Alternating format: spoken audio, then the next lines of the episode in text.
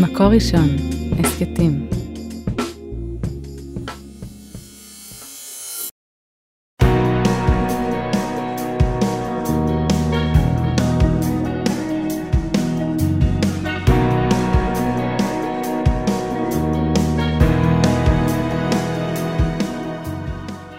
שלום הרבנית חמוטל שובל. שלום הרבנית שירה מרילי מירביס, פרשת מטות. איזה כיף שיש לנו שנה מעוברת, ואנחנו יכולות לשים לב לכל פרשה בפני עצמה. ופרשת מטות, אנחנו נדבר עליה היום, מתחילה בפרשת נדרים, שזה אה, מה אנחנו עושים במקרה שאנחנו נודרים נדר, ואיך אפשר להפר נדר, והאם אפשר.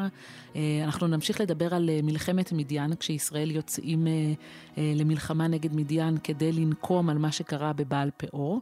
אה, ואנחנו לקראת הסוף נדבר על שניים וחצי השבטים, גד וראובן, אה, שמחליטים בעצם להישאר בעבר הירדן המזרחי, ומבקשים נחלה בצד הזה, ונראה את ההתמודדות גם שלהם, גם של העם, גם של משה.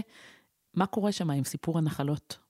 רציתי לספר לך שאני לא יודעת אם רבים יודעים, אבל אני אה, למדתי תואר אה, ראשון באוניברסיטה העברית בפסיכולוגיה ובתוכנית אמירים, והייתה לי חברה טובה, שלמדנו יחד אה, למבחנים בפסיכולוגיה, ואחרי סמסטר היא אמרה לי, זה נורא משעמם אותי, אני מחפשת משהו אחר. ואמרתי לה, נתחיל, נסיים, בואי, היינו יושבות לומדות ביחד, ובחמש שנים היא עברה ארבעה תארים. אה, זה לא היה הפעם היחידה שהיא עברה. לא, זאת אומרת, היא באיזשהו המשיך. שלב נטשה אותי בפסיכולוגיה, עברה ללמוד uh, מתמטיקה, אחר כך זה לא עניין אותה מספיק, אז היא עברה ללמוד uh, פק"ם, פילוסופיה, כלכלה, מדעי המדינה.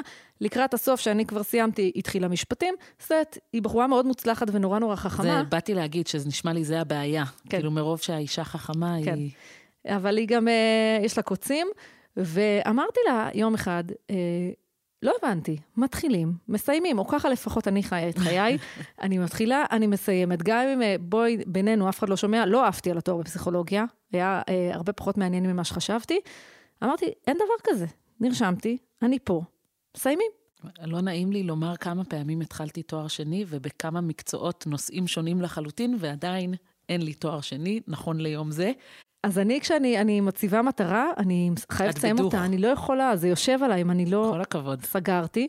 ו, ומאוד אני, אני מזדהה עם, ה, עם הסיפור הזה של הנדרים, אמ, שזה איזושהי התחייבות שאנחנו לוקחים על עצמנו, והקדוש ברוך הוא אומר, אם לקחתם התחייבות, תעשו אותה זה, כל הדרך. זה נורא רציני, זה לא סתם. איש כי ידור נדר להשם, או יישבע שבועה לאסור איסר על נפשו, לא יחל דברו. זאת אומרת, לא יחלל את דברו, ככל היוצא מפיו יעשה.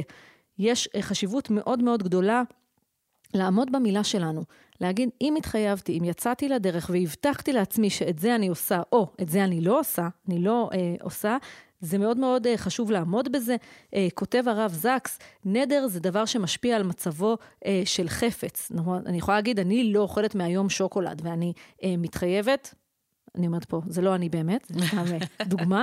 ו, והוא אומר, אה, הרב זקס, שבעצם אה, יש שלוש סיבות למה אנשים מצייתים לחוקים. הראשונה זה עונש, נכון? אם אומרים לנו, אם תיסעו באדום, תקבלו קנס. מפחד. של אלף שקל, אז כנראה שנעשה את זה. זו בעצם חברה שמבוססת על כוח.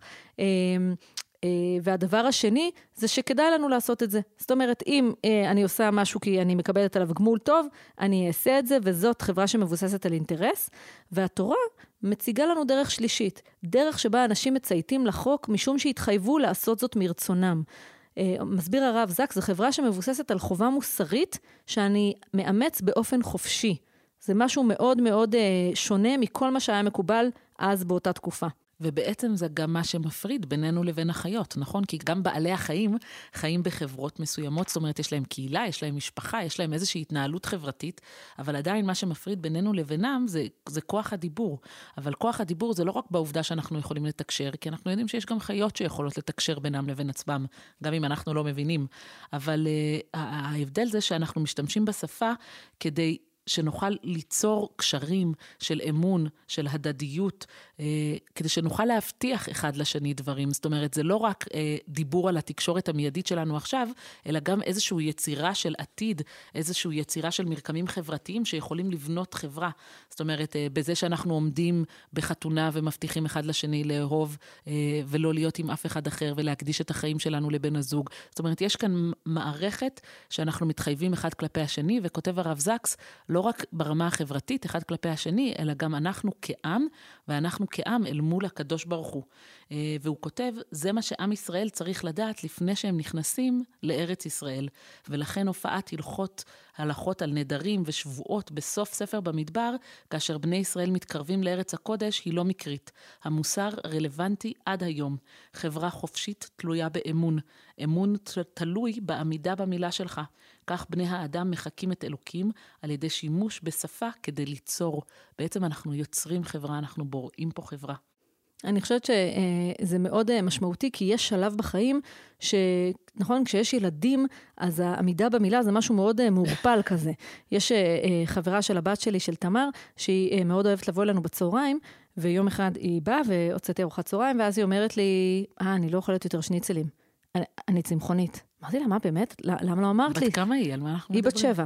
אה, ואמרתי, מסננת הצמחונית, והיה לי נורא לא נעים, כי שניצלים היה רוב הארוחה, היה קצת פסטה, אבל היה שניצלים, ובערב התקשרתי לאימא, ואמרתי לה, מה באמת היא צמחונית? אז היא אומרת לי, יום כן, יום לא.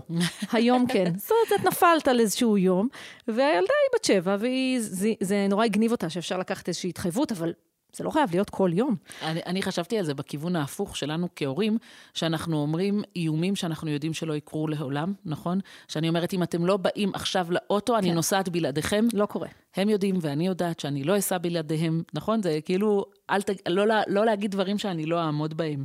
ו- ואני חושבת שהפרשה הזאת באה ואומרת לנו, שימו לב למילים שלכם. הרב שיינפלד מסביר, בפרשת נדרים אנחנו רואים שהתורה מייחסת חשיבות עצומה למילים אותן אדם מוציא מפיו.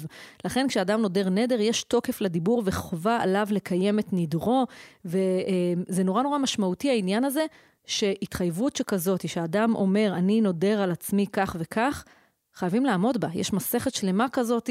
אני חושבת שהיום אנחנו, יש לנו משהו נורא נורא סלחני לעצמנו, נכון? נכון. הבטחתי דיאטה ולא עמדתי בזה, טוב, לא נורא. אמרתי שאני אסיים את המשימה הזאת עד כך וכך, לא נורא. והתורה אומרת, כן נורא, תעמדו בהתחייבויות שלכם.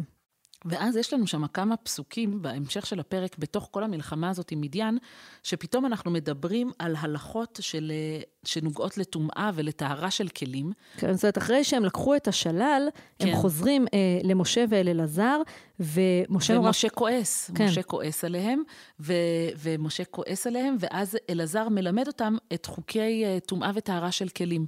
והגמרא, במסכת פסחים, הגמרא בעצם שואלת, רגע, שנייה, עד עכשיו, מה שקרה זה שמשה לימד הלכה את בני ישראל. משה הוא זה שמלמד את בני ישראל את התורה.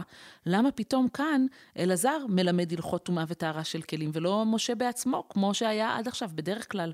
למה משה הוא זה ש... למה אלעזר הוא זה שמעביר פה את המצוות ואת התורה?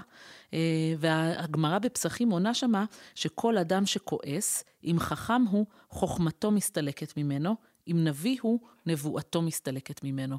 זה נכון שזה התפקיד של משה ללמד את התורה, ללמד הלכה, אבל יש פה איזשהו משהו רגעי שבגלל הכעס של משה, נכון, כתוב לנו בפסוק, ויקצוף משה על פיקודי החיל, זאת אומרת, משה ממש ממש כעס, ובגלל הכעס שלו זה הביא לידי כך שהוא לא יכל להגיע לשיא של הרמה הרוחנית שלו, הוא לא יכל ללמד תורה והלכה את... אה, את uh, עם ישראל, וזה בטח ובטח באנשים כמונו, ובטח ובטח כשמדובר על משה, שמשה רבנו צריך להיות כל הזמן כל כך מדויק בקשר שלו עם הקדוש ברוך הוא ובקשר שלו עם עם ישראל, ולכן גם נימה הכי קטנה של כעס, גם... גם uh, ממש התבטאות קלה של כעס באמת גורמת לו שהתעלמה ממנו ההלכה, ואלעזר תלמידו היה צריך להורות את ההלכה כיצד הם צריכים לנהוג עם הכלים. אמ, ויש פה איזושהי סמיכות פרשיות בין החוזק והתוקף והחשיבות של המילה שיש בנדרים, לבין הכעס של משה, אמ, וכמה זה חשוב לנו לשלוט על הכעס שלנו, בגלל שלפעמים אנחנו יכולים מרוב כעס להגיד משהו. אה, נכון, מרוב כעס אנחנו יכולים להתבטא בצורה, בצורה שהיא, ברגיל לא היינו אומרים את זה, אולי היינו משתמשים במילים יותר קשות, אולי היינו אומרות משהו שאנחנו לא באמת מתכוונות אליו, ובעצם התורה באה להגיד פה משני, משני הכיוונים, גם בחיובי וגם בשלילי, למילים יש כוח מאוד מאוד גדול. למילים יש כוח כשאת, כשאני נודרת נדר, כשאני מתחייבת לעשות משהו, אני חייבת לעמוד בו, ו, to follow through, נכון? ללכת את כל הדרך ובאמת לוודא שאני עומדת במילה שלי, כי זה האמון הבסיסי בין אנשים, ביני לבין אלוקים, ביני לבין החברים שלי. וגם בשלילי של זה, למילים יש כוח, גם אם אני כועסת, גם אם אני באיזושהי סערת רגשות, ואני יכולה להגיד דברים שאני לא מתכוונת אליהם, אני צריכה להיזהר במקום הזה, במקום שבו הרגש מתפרץ, ויכול לגרום לי להשתמש במילים בצורה לא נכונה. כן, אז אה, בעצם הפרשייה הזאת של המלחמה במדיין, אה, היא נקשרת לסיפור של סוף חייו של משה, אומר הפסוק, נקום נקמת בני ישראל, כך אומר השם אל משה, מאת המדיינים, אחר תאסף אל עמך. ושואל המדרש, רגע, היה אפשר להגיד, בסדר, תילחמו במדיין, ואחר כך, משה, תאסף אל עמך. זאת אומרת, למה זה באותו פסוק? אה, ובעצם, אומר המדרש, מגיד שמיתתו של משה מעכבת למלחמת מדיין. זאת אומרת, עם ישראל יודע, ומשה יודע שזו המשימה הלאומית האחרונה שיש לו, ואף על פי כן הלך ועשה בשמחה. אה, ועם ישראל לא רצה, הוא התעכב, הוא התעכב, הוא אמר, רגע, אם זה הדבר האחרון שיש לנו עם משה, אז בואו... בואו לא נעשה את זה. נמשוך את הזמן טיפה, ואז יהיה לנו עוד זמן. ומשה אה, ממשיך להיות אה, המנהיג המסור בשליחות שלו, והוא אומר, זה מה שאנחנו צריכים לעשות, אנחנו צריכים עכשיו אה, להילחם במדיין, זאת השליחות שלי, למרות שזה הדבר האחרון אה, שאני עושה בתור אה, המנהיג שלכם.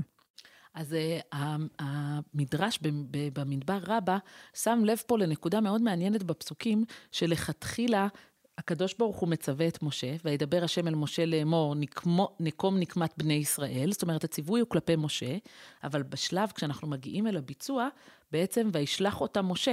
ואת פנחס בן אלעזר הכהן, נכון? בפרק ל"א, אה, משה שולח את אה, פנחס בן אלעזר לעשות את ה... לקיים את הנקמה. ו... ואומר המדרש במדבר רבה, הקדוש ברוך הוא אמר למשה, נקום נקמת בני ישראל, אתה בעצמך, והוא משלח אחרים? אלא מפני שנתגדל בארץ מדיין, אמר, אינו בדין שאני מצר למי שעשה בי טובה. המשל אומר, בור ששתית ממנו מים, אל תזרוק בו אבן. והמדרש ממשיך ונותן לנו עוד תשובה, ויש אומרים שאינה זו אותה מדיין שנתגדל בה משה, שזו בצד מואב והיא חרבה עד עכשיו, ואז למה הוא שלח את פנחס? אמר, מי שהתחיל במצווה הוא גומרה. הוא השיב את חמתי והכה את המדיינית, הוא יגמור מצוותו. בעצם המדרש מציב לנו פה שני כללים, או שני, אה, שני משלים מאוד מאוד יפים, שאנחנו יכולים לקחת אותם איתנו הלאה. הראשון זה בור ששתית ממנו מים, אל תזרוק בו אבן. משה, כשהוא בורח ממצרים, כשהוא אה, רואה בסבלות העם, כשהוא, אחרי שהוא הורג את המצרי, והוא בורח כי פרעה רודף אחריו, הוא מגיע אל מדיין, ובעצם הקהילה של מדיין, או העם המדייני, שם הוא מתחבא, שם הוא מסתתר, שם הוא מתחתן. מתחתן, שם הוא מוצא משפחה, ומשה אומר, אני לא יכול לנקום במדיין. אני חב להם טובה, גם אם זה היה לפני המון המון שנים, גם אם כבר עברו המון דברים מאז, אני לא רוצה להיות זה שנוקם. ולכן המדרש אומר, בור ששתית ממנו מים, אל תזרוק בו אבן. זאת אומרת, אתה הרווחת משם משהו, היה לך משם איזושהי טובה. אל, ת, אל ת, תהרוס את הקשר הזה. אה, ומצד שני, המדרש ממשיך ואומר, זה לא כל כך מדויק, המדיין זה לא אותו מדיין, זה לא בהכרח, ובעצם אולי יש פה משהו אחר, אולי משה בכוונה רוצה לשלוח את פנחס, ואז המדרש מנסה להסתכל על פנחס ואומר, למה שפנחס ינקום את uh, נקמת מדיין? והכלל השני שהמדרש אומר לנו, מי שהתחיל במצווה הוא גומרה. התחלת משהו, פנחס הוא זה שבפרשות הקודמות הוא זה שהורג את המדיינית שמה, והוא זה שעוצר את המגפה, את העונש של, של הקדוש ברוך הוא על עם ישראל, בגלל שהם זנו שמה בעקבות חטא המדיינים, אז פנחס הוא זה שצריך לסיים את המהלך ולנקום את הנקמה של מדיין. אז הפרשייה הבאה שאנחנו פוגשים מאוד מפורסמת, באים אל משה אה, ראובן, גד וחצי המנשה, ואומרים לו, אה, אנחנו רוצים להישאר פה, זאת אומרת, בעבר, בעבר הירדן. ארץ מקנה ולעבדיך מקנה, אם מצאנו חן בעיניך, יותן את הארץ הזאת לעבדיך, לאחוזה, אל תעבירנו את הירדן. משפט מאוד מאוד קשה. והאבן עזרא אומר, זה נכון שהייתה פה עכשיו מלחמת מדיין, אבל התחלנו את הפרשה אה, עם הנדרים. ו, ובעצם יש, אה, יש לנו התחייבות להיכנס לארץ אה, ולכבוש אותה, כולם צריכים להיכנס. האבן עזרא אומר, הנדרים פה מהדהדים, יש התחייבות לעשות את הדבר הנכון, להיכנס לארץ אה, ולכבוש אותה, והדבר הזה מאוד מאוד קשה, התחושה הזאת שהם לא בדיוק רוצים להיכנס, שהם רוצים להישאר בחוץ, הפרשנים מדברים הרבה על הסיפור של המקנה והכסף, על מה הם שמים פה את הדגש, ואבן עזרא אומר, יש לכם התחייבות, אתם אמורים להיכנס ולכבוש את הארץ, מה זה הדבר הזה? העמידה הזאת בחוץ, והם אומרים, רגע, נורא טוב לנו פה עם המקנה.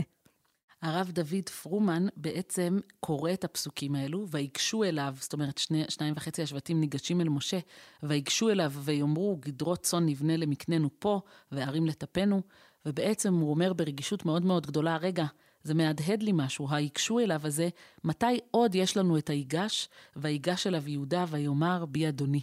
זאת אומרת, במפגש בין האחים, בין יוסף לבין האחים, כשיהודה ניגש, זה מהדהד לי את המילה המשותפת הזאת, זה שהם ניגשים, זה מהדהד לי את אותו סיפור, ובשני המקרים האלו אנחנו מנסים בעצם לפתור את, ה, את הדילמה או את הבעיה בצד הרגשי, בצד האנושי, ולא מנסים להתווכח פה אה, ולגרום חלילה לריב או למחלוקת. אני מאוד אוהבת את הפירוש הזה, כי זו פעם ראשונה שאני רואה פה את, ה, את הטוב שבהם. כן. זאת אומרת, הרב דיוויד פורמן אומר שיש פה אחריות. כמו שיהודה אומר, אנוכי אערבנו מידך, הוא אומר, אני האח פה. ואני לוקח אחריות ואני לא מפקיר אה, את האחים שלי כתיקון למעשה יוסף, אלא גם כאן, הם אומרים, רגע, אנחנו ניגשים, אנחנו ניגשים ומהדהדים פה אה, את יהודה, ואנחנו לוקחים אחריות על האחים שלנו. זה נכון שאנחנו רוצים לשבת פה, אנחנו לא מפרקים בכלל את הקשר עם שאר השבטים, ואנחנו נדאג להם.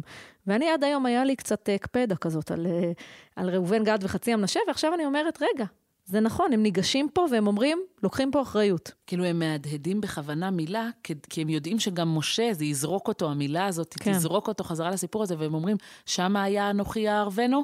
וגם פה, יש פה ערבות, אנחנו לא נשאיר אתכם לבד, אנחנו נילחם איתכם, אנחנו נצא איתכם לכיבוש הארץ, אל תדאגו. עוד דבר שהוא אומר, הוא אומר שיש פה את חצי המנשה, שבעצם זה השם שיוסף נתן לבנו, על שנשני אלוקים מכל הרע, השם נתן לו לשכוח מכל הוויכוחים ומכל הכעס שהיה לו על האחים, וזה השבט שמשה בעצם בוחר להוסיף לראובן וגד, כדי להראות שאנחנו עוברים הלאה ולא יוצרים פה פירוד ולא משחזרים פה את החטא הקדמון של ריב בתוך האחים. אז באמת עם כל היופי הזה, יש גם ביקורת מאוד מאוד גדולה בפרשנים, כלפי שניים וחצי השבטים שלא רוצים להיכנס לארץ, וה, והפרשנים נתלים במילים שהשבטים אומרים, אה, אה, גדרות צאן נבנה למקננו, פה וערים לטפנו. ובעצם הרבה מהפרשנים, רש"י, המלבי, מרש"ר הירש, כולם קופצים ואומרים, שנייה, אתם קודם כל דואגים לצאן, ורק אחר כך נבנה ערים לטפנו. קודם כל ת, ת, ת, תוודאו שלצאן שלכם יש מקום. ובאמת רש"י במילים מאוד קשות כותב, חסים היו על ממונם יותר מבניהם ובנותיהם, שהקדימו מקניהם לטפם. אמר להם משה, עשו העיקר עיקר והטפל טפל. בנו לכם ערים תחילה לטפכם, ואחר כך גדרות לצונכם. כאילו משה אומר להם, שנייה, אתם קצת מבולבלים, תעשו את הסדר, הסדר צריך להיות הפוך. קודם כל תבנו בית, קודם כל תבנו מקום שיהיה לילדים איפה להיות, ואחר כך תדאגו לצאן. קודם כל הדאגה היא למשפחה. זה, התחלתי בסיפור לאוניברסיטה העברית, ויש לי עוד אחד, כשהייתי בתואר השני, אמ, הייתי בהיריון. וניגשה אליי אה, חברה שהיינו גם לומדות ביחד, חברה אחרת, לא אותה אחת מהתואר הראשון, ואמרה לי, אני יכולה להגיד לך משהו בכנות? אמרתי לה, לכי על זה, אנחנו כבר כאן. ואז היא אמרה לי, למה את בהיריון? אמרתי לה, אני מגדילה את המשפחה, אני מאוד שמחה, כאילו, לא הבנתי את השאלה. אז היא אומרת לי, זה פוגע בך אקדמית. את לא תתקדמי ככה. את צריכה להיות מוכוונת מטרה. את רוצה להיות פה מתרגלת? את רוצה להיות מרצה? אחר כך ילדים. עכשיו תהיי מוכוונת, היא אמרה לי, אני, מגיל 22 יש לי מפה, מה אני הולכת לעשות. תוכנית מקצועית, חומש. בדיוק, מקצועית. ילדים זה, זה, פשוט, זה פשוט הורג אותך, זה, זה תוקע את הצד האקדמי, אי אפשר להתקדם ככה. בואי, זה לא תוקע רק את הצד האקדמי, זה תוקע קריירה, כן, נכון? כן, זה מורכב. נכון. וכשקראתי את uh, נבנה למקננו פה, נזכרתי בבחורה הזאת שאמרה, אני אהיה פרופסור פה באוניברסיטה, וילדים זה ממש לא מתאים פה. וזה בעצם מה שרש"י אומר, הוא אומר, הם היו פה מוכווני מטרה, אבל לא המטרה הנכונה. כי ילדים ומשפחה זה מאוד מאוד חשוב, והם חשבו על הביזנס. קודם כל. זה וג... נורא עצוב. זה מאוד עצוב. כאילו שהסדר העדיפויות שלך לא במקום הנכון. גם במיוחד כשזה מגיע לילדים, כי ילדים אתה לא באמת יכול לתכנן בחיים. כאילו החברה שאמרה לך קודם לימודים. כן. אתה לא באמת יכול להגיד, אוקיי, ועכשיו שלוש, ארבעה ילדים. כן. בעצם אה, לילדים שותף גם הקדוש ברוך הוא, וזה לא בדיוק תמיד עובד לפי התוכניות אה, כן, יש בזה משהו לא פשוט. גם אה, נחמה ליבוביץ' סופרת את המילה מקנה ואומרת שהמילה מקנה חוזרת שוב ושוב בפרק, ש, שזה היה הפוקוס שלהם. זאת אומרת, זה מה שהם ראו, הם ראו את המקנה, הם ראו את, ה, את הכסף שהם יכולים לעשות, שהארץ הזאת בדיוק מתאימה להם לצאן, הם היו מאוד מאוד עשירים, ו, והיא אומרת, כשמשהו חוזר שוב ושוב, אנחנו יודעים שלשם האדם מפוקס. כן. לא היו מפוקסים על uh, כיבוש ארץ ישראל ולא על הילדים, הם היו מפוקסים על המקום הכי מתאים לעשות בו ביזנס, וזו הייתה הבעיה שלהם. גם הגמרא בשבת בקי"ט, היא אומרת, כל עיר שאין בה תינוקות של בית רבן, מחריבים אותה, או מחרימין אותה. כאילו, או ש... כאילו, יש פה בעיה, עיר שאין בה תינוקות, עיר שאין בה המשך, כשאתה לא דואג לדור ההמשך, יש פה משהו בעייתי לא רק ברמה הפיזית, אלא גם ברמה הרוחנית של איפה הלב שלך נמצא. אני חושבת שהפרשה הזאת גדושה בשיעורים מכל מיני כיוונים. אה, בהתחלה זה באמת החשיבות של אה, נדרים, לדעת לעמוד מאחורי המילים. אחר כך זה גם, אם התחלת משהו, תסיים אותו גם במובן של הנדר וגם במובן של משה אומר, אני צריך לסגור את הסיפור הזה עם מדיין. מצד אחד, מצד שני, אני זוכר שגם עשו לי חסד מאוד גדול במדיין, הרגישות הזאת של לדעת לעמוד בהתחייבות מצד אחד, ומצד שני, איך לעשות את זה בצורה הכי טובה. אה, ובסוף, שראובן גד וחצי המנשה אומרים לנו, זה חשוב להתקדם בחיים, זה חשוב מאוד לדעת להציב מטרות, אבל גם לא לפספס מה חשוב יותר ומה חשוב פחות. והם מציבים לנו איזושהי מראה כזאת, כי בסוף עברו הרבה שנים ואנחנו עדיין עסוקות בדילמה של בית, משפחה, אה, קריירה, מה יותר חשוב ממה, איך מחזיקים את הכל באוויר. ונחמה לייבוביץ' אומרת לנו, אל תהיו תקועים על המקנה. שימו לב אה, לילדים, אה, לחשיבות הזאת. על ההקלטה והסאונד אוהד רובינשטיין, על ההפקה והעריכה יהודית טל, יאקי אפשטיין ועדי שלם רבינוביץ'. תודה רבה למאזינים. את הפרק הזה, כמו את שאר פרקי הסדרה והסכתים רבים נוספים, תוכלו למצוא באתר מקור ראשון, בשורת ההסכתים של מקור ראשון, בספוטיפיי, באפל מיוזיק וגם בגוגל. שבת שלום. שבת שלום.